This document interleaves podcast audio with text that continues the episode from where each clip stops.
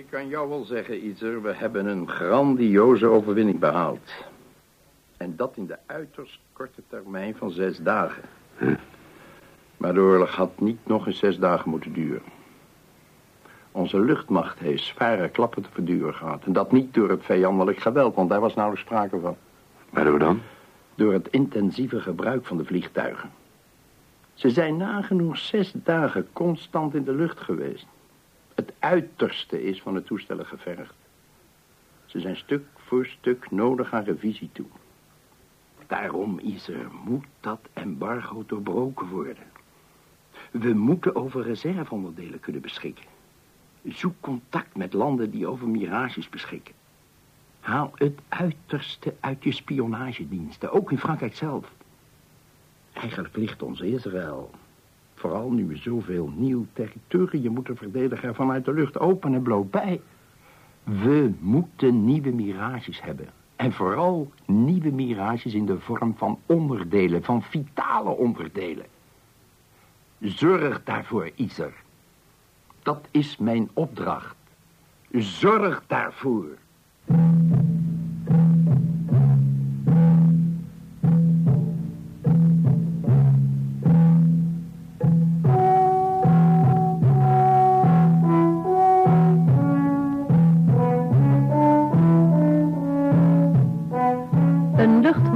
Papier. Een nieuw seriehoorspel over de Mossad, de Israëlische geheime dienst.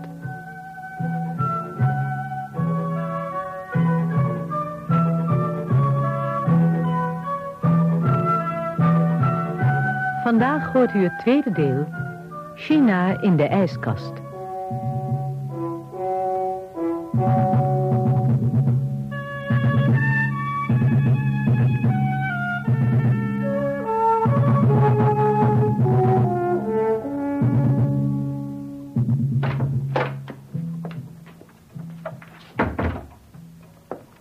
Alsjeblieft. Brombeertje van me. Heerlijk kopje koffie. En de laatste post van 1967. Dank je voor de koffie. Afschriften van mijn bankrekening interesseren mij op Oudejaarsdag. Oh, maar het zijn niet alleen bankafschriften, Alfred. Er is ook een aangetekende brief bij, uit Frankrijk. Alsjeblieft. Hé, hey, van de directie der Dassault-fabrieken. Hm.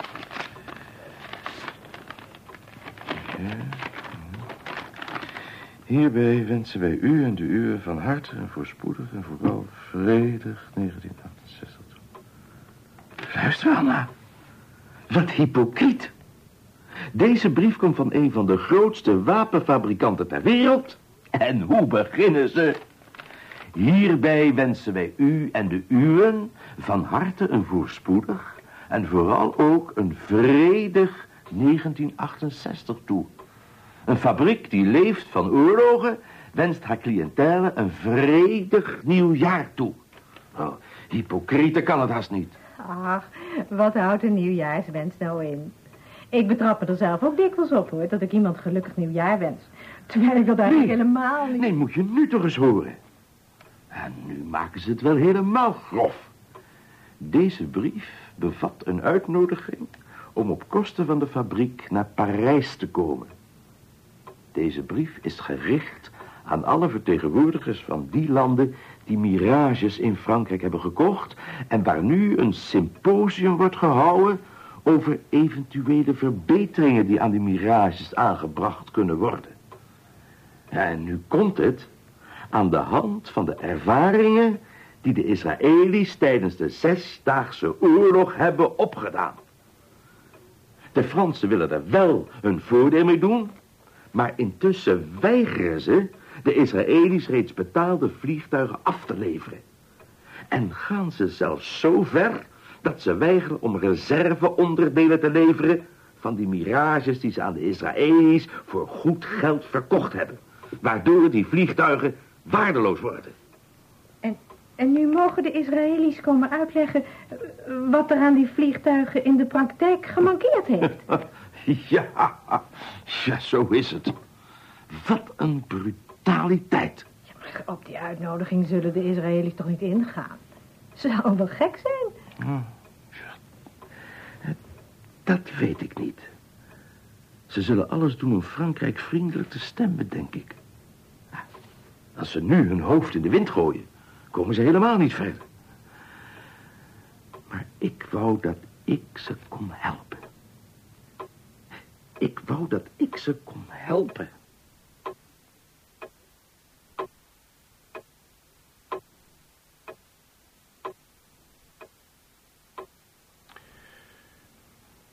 Maar goed, mensen. Doen of niet doen? Dat is de vraag. Nou, dat is voor mij helemaal geen vraag. Natuurlijk moeten wij op die uitnodiging ingaan. En sterker nog, daar moeten we ons heel goed op prepareren. En wanneer is die vergadering in Parijs? De eerste week van februari. Nou, dan heb je nog een maand de tijd om je toespraak voor te bereiden, Mordechai. Dus het staat vast dat we daar naartoe gaan. Ik ben het met Alon eens. Wij moeten alles doen om de sfeer tussen Frankrijk en Israël zo positief mogelijk te houden. Daar bereiken we toch meer mee dan de Fransen tegen de haren in te strijken. Weet je wat mij opvalt aan die uitnodiging? Mhm. Dat ze er als vanzelfsprekend van uitgaan dat wij aan dat gesprek zullen deelnemen. Want hoe zouden ze oorlogservaringen kunnen uitwisselen, zoals ze schrijven, als wij hen daar niet van op de hoogte stellen? Natuurlijk. En daarom lees ik uit deze uitnodiging ook een verdekte invitatie om weer om de tafel te gaan zitten. In verband met dat embargo bedoel je? Ja, Nee, daar geloof ik niks van. Jullie halen twee dingen door elkaar, mensen. Het embargo komt van de Gaulle. En van niemand anders. En deze uitnodiging komt van de wapenfabrikant Dassault... wat een zelfstandige onderneming is. Mijn informatie vanuit Parijs is dat de Gaulle er niet over piekert om het embargo op te heffen. En dat heb ik uit zeer directe bron. Dat kan ik jullie verzekeren. Dus niet gaan. Dat zeg ik niet. Maar niet met als uitgangspunt dat we daardoor weer vriendjes met de Gaulle worden. in elk geval krijgen we daar op een presenteerblad aan welke landen Frankrijk in de loop der jaren mirages heeft geleverd. Heel goed, Nehemia.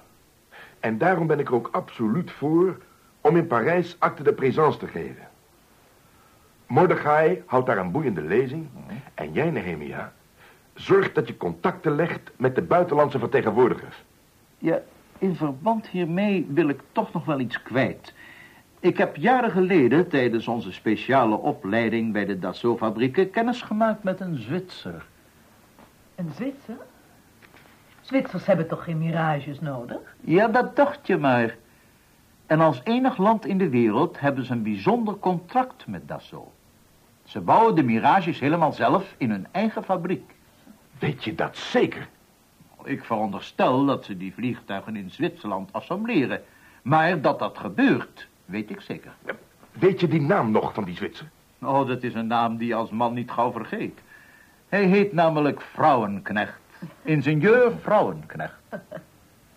Menig man met zo'n naam zou naamsverandering aangevraagd hebben, vermoed ik. Ja, maar ik heb zijn echtgenoot ook ontmoet. Ja, oh, zeer charmante vrouw. Ja, ja, daarbij zou menig man graag knecht willen zijn. Ja, eh, mensen ter zake. Eh, heb je meer gegevens over die ingenieur? Ja, hij is hoofdingenieur bij de Sulzer Brothers in Winterthur. En hij woont in een voorstadje bij Zurich. Ik zal onze agent in Bern alles over deze man laten uitzoeken... waarmee jij in Parijs je voordeel zal kunnen doen. Ik neem tenminste aan dat deze ingenieur ook uitgenodigd zal zijn. En dan voel je deze vrouwenknecht maar eens goed aan de tand. Een land met eigen industrie voor mirages... daar zie ik heel veel in, Mordechai.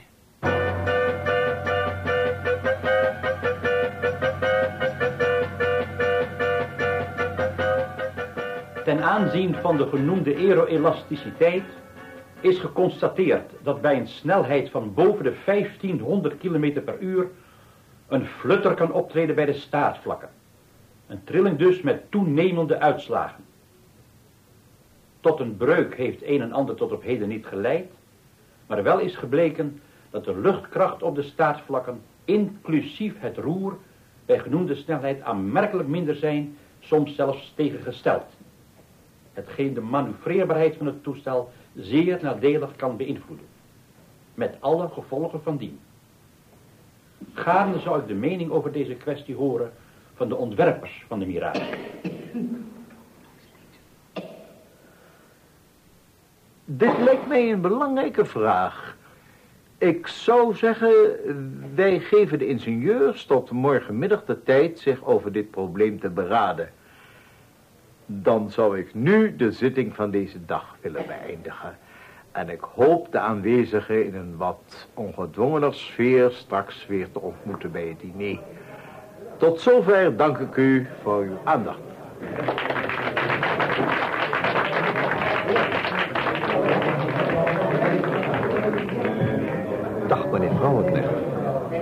Goedendag.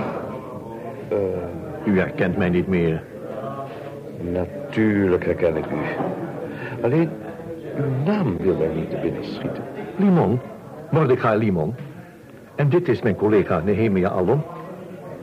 Natuurlijk herken ik u ook, meneer Allon. Maar ten aanzien van namen schijnen de mensen in het algemeen... mijn naam beter te kunnen onthouden dan die van andere collega's. Nou, een zekere exclusiviteit kan uw naam niet worden ontzegd, meneer Vrouwenknecht. Ik moet zeggen, u drukt zich over dit pijnlijke onderwerp zeer charmant uit, meneer Allon. Pijnlijk? Wel, nee. Ik maak maar een grap. Aan elke toespeling op mijn naam ben ik al jaren gewend. Wat ik u wilde vragen, meneer Vrouwenknecht. Bent u hier alleen? Ja, ik ben hier alleen. Ach, Zwitserland is maar een bescheiden natie, moet u weten. Wel, mogen we u dan uitnodigen bij het diner bij ons plaats te willen nemen? Oh, dat doe ik zeer gaarne. Hoe laat worden wij daar eigenlijk verwacht? Op het programma staat omstreeks half acht een aperitief aan de bar en daarna het diner. Dan hoop ik u graag aan de bar te ontmoeten.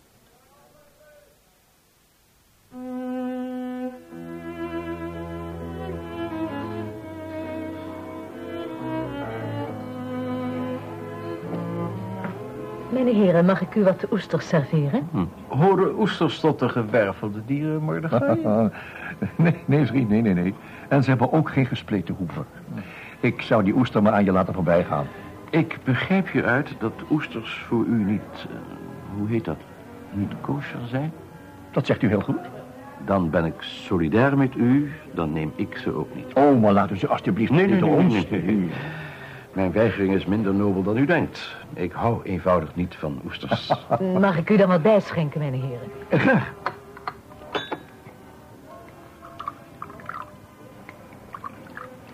Alsjeblieft. Dank u wel.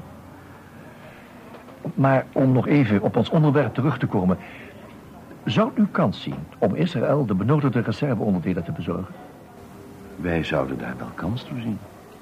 Ik bedoel uiteraard de Zwitserse regering. Ja, u begrijpt, reserveonderdelen zijn in verband met het embargo... voor ons letterlijk hun gewicht in goud waard. Ik wil u beiden graag als mijn mening laten weten... dat ik deze zaak uitermate onverkwikkelijk vind. De Fransen maken graag gebruik van uw kennis... over het gedrag van hun mirages in oorlogstijd.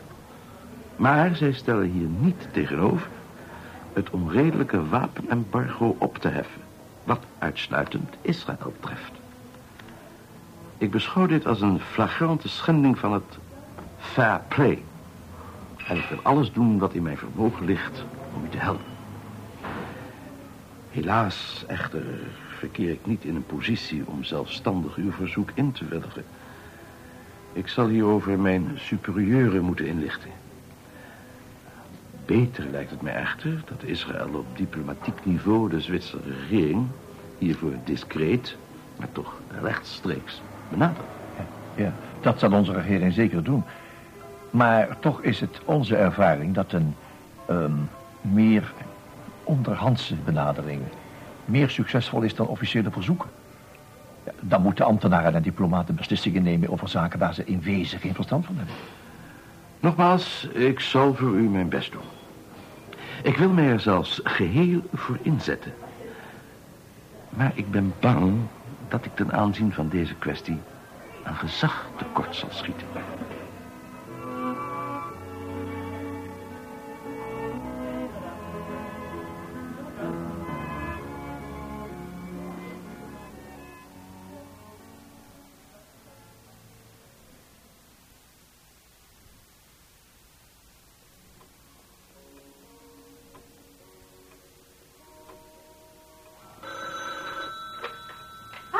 Met mevrouw Valentijn. Ja, die is thuis. En voor je. Wie is het? Meneer Smit. Oh, laat hem morgen maar terugbellen. Ja, maar dat kun je niet maken, Alfred. Waarom niet? Nooit zie ik televisie. En nu is er eindelijk een film die me interesseert. Laat hem morgen maar bellen. Alfred, dat bezielt je. Het is meneer Smit. Een autodealer. Die kan morgen toch wel bellen? Nee, het is dokter Smit, de directeur. Oh, zeg dat dan. Hoe weet u dat ik terug ben? Kijk jij intussen naar de film wat er gebeurt. Hey, laat die man nou niet langer wachten. Met Frankknecht. Ah, meneer Vromknecht, u spreekt met Schmid. Meneer Schmid, welk een eer. Ja, ik hoor dat u weer terug bent uit Frankrijk... en uw taak als regeringsgedelegeerde erop zit... en u weer op uw oude vertrouwplaats bij onze maatschappij terugkeert... dat ik graag, als het u schikt, eh, morgen samen met u ga lunchen. Oh, maar dat schikt mij natuurlijk, meneer Schmid. Ik voel mij zeer vereerd. Zullen we zeggen, Hotel Wilhelm Tel zo om half twee? Uitstekend. Ik zal er zijn, meneer Schmid. Tot morgen dan. Dag meneer Vrouwenknecht. Tot morgen, meneer Schmid. Wat bezielt die man? Stel je voor, Anna. Meneer Schmid nodigt mij uit voor de lunch, morgenmiddag... omdat mijn taak met die mirages erop zit, zei hij. Ja, Alfred, je bent een gewichtig mens. Je zult wel een nieuwe opdracht krijgen. Deze film op de tv vind ik op dit moment belangrijker. Vertel maar eens wat er gebeurd is. Oh, niks bijzonders. Die man met die snor heeft van die donkere vrouw een boek gekregen. En die snor maakt het boek open. En toen ze weg was, toen vond hij het filmpje. Het bleek een microfilm te zijn. Anders niks. Nou bekijkt hij die microfilm op een vergrotingsapparaat. Oh, bedankt. Hé, hey. Microfilm.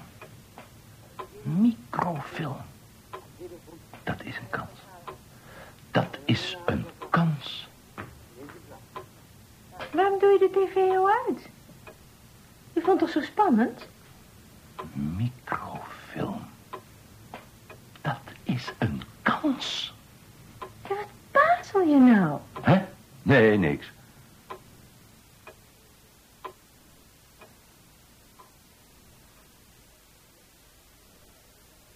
Zo, we hebben aardig wat bijgepraat en het heeft me verrukkelijk gesmaakt.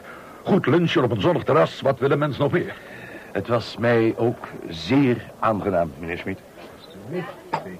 Dank u wel, hoor. Apropos, meneer Schmid. Weet u waar ik me gisteren enigszins over verbaasde? Nou, Ik sprak gisteren toevallig onze archivaris. En hij beklaagde zich bij mij over dat het archief met zo'n extra belasting werd opgescheept. Eh, hoe bedoelt u dat? Nou, het ging om de bouwtekening van de mirages. Die moeten opgeslagen worden. En dat niet alleen, ze moeten ook extra beveiligd worden. Nou, daar zal toch wel een kluis voor beschikbaar zijn. Een kluis, zegt u, meneer Schmid. Zegt u maar gerust. Een loods. Een loods? Jazeker. Al die blauwdrukken nemen een enorme plaats in. U moet niet vergeten, die documenten wegen bij elkaar wel twee ton. Voor het frame van het toestel alleen bestaan wel 45.000 blauwdrukken. Alsjeblieft. Tja, daar staat een eenvoudig mens niet bij stil, hè? Dat is me nogal wat. En daarom begrijp ik één ding niet, meneer Smit. In deze tijd zo'n massa blauwdrukken opslaan. Dat is toch absurd? Het is toch veel eenvoudiger er microfilms van te laten maken. Die kunnen inderdaad gemakkelijk in een kluis. En het concern bespaart tienduizenden guldens aan een bedrijfspand. En nu de bouw is stopgezet, zullen we die tekeningen maar zeer sporadisch nodig hebben. Eh, Ik vind het uitstekend. Wat stelt u voor? De tekeningen worden op microfilm gezet. En de omvangrijke blauwprints worden in een verbrandingsoven vernietigd. Tja, dat zal nou wel secuur moeten gebeuren... want voor die mirages bestaat allerwege grote belangstelling. Ook van achter het ijzeren gordijn, om maar iets te noemen. Maar dat laat zich toch regelen, meneer Smit? Dat vernietigen kan toch zorgvuldig gebeuren? Desnoods onder toezicht van de Zwitserse inlichtingendienst. Maar het zal ons concern honderdduizenden francs besparen. Nou, dat wil ik dan graag aan u delegeren, meneer Vrouwenknecht. Arrangeert u een of ander, hè? Of is u dat te veel werk? Wel, nee, dat doe ik met plezier. Per slot is het voor mij ook een kwestie van delegeren. Nou, dan hier bij de opdracht. Eh Opper, zou ik de rekening kunnen krijgen?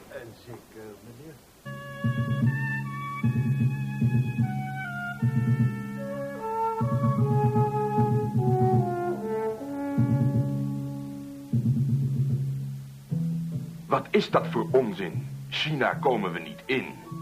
Als China het enige land blijkt te zijn waar we mirageonderdelen vandaan kunnen halen, dan komen we China in.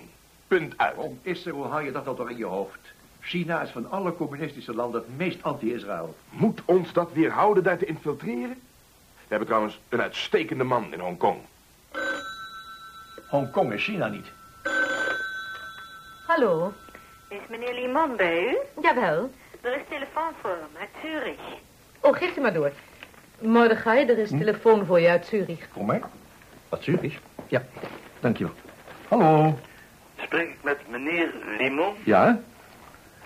U spreekt met vrouwenknecht. Ik zou u graag dringend willen spreken. Uitstekend. Maar hoe hebt u mij hier gevonden? Heel eenvoudig. Ik heb uw hotel in Parijs gebeld. Daar gaven ze mij uw kantoornummer in Cherbourg. En vandaar kreeg ik dit nummer in Tel Aviv. Aha. En u wilde me spreken? Nou, zegt u maar waar en wanneer. Graag zo spoedig mogelijk. En graag in Zurich. Gaat het over hetgeen wij laatst in Parijs besproken hebben? Daar gaat het inderdaad over. Aha. Daar doet zich mogelijk een interessante ontwikkeling voor. Maar voordat ik hier verder op inga, zou ik graag een oriënterend gesprek met u willen hebben. Uitstekend. Ik zou morgen bij u kunnen zijn. Ik bevind mij morgenmiddag om twee uur in de wachtkamer eerste klas van het Centraal Station in Zurich. Het is misschien verstandiger om onze ontmoeting wat ongedwongen te laten plaatsvinden. Ik stel mij voor, ik lees een krant, vouw hem duidelijk dicht... en dan komt u mij vragen of u de courant even mag inzien. En zo raken wij dan met elkaar in gesprek. Ja, ik eh, eh, zal handelen zoals u mij voorstelt, meneer Vrouwenknecht. Tot morgen dan? Tot morgen. Nou, is er. Ik geloof dat wij China voorlopig in de ijskast kunnen plaatsen. Meneer Vrouwenknecht wil me dringend spreken. En hij deed nogal geheimzinnig. Geheimzinnig? Ja. Weliswaar nogal naïef. Op een manier die Sherlock Holmes destijds niet zou hebben misstaan, maar toch. En je gaat morgen naar hem toe, heb ik begrepen? Ja. Ik ga morgen naar hem toe. En ik neem Nehemia mee. Zeg, die vrouwenknecht, Hm? is dat die Zwitserse ingenieur? Ja, Esther. Ja. Dat is die Zwitserse ingenieur.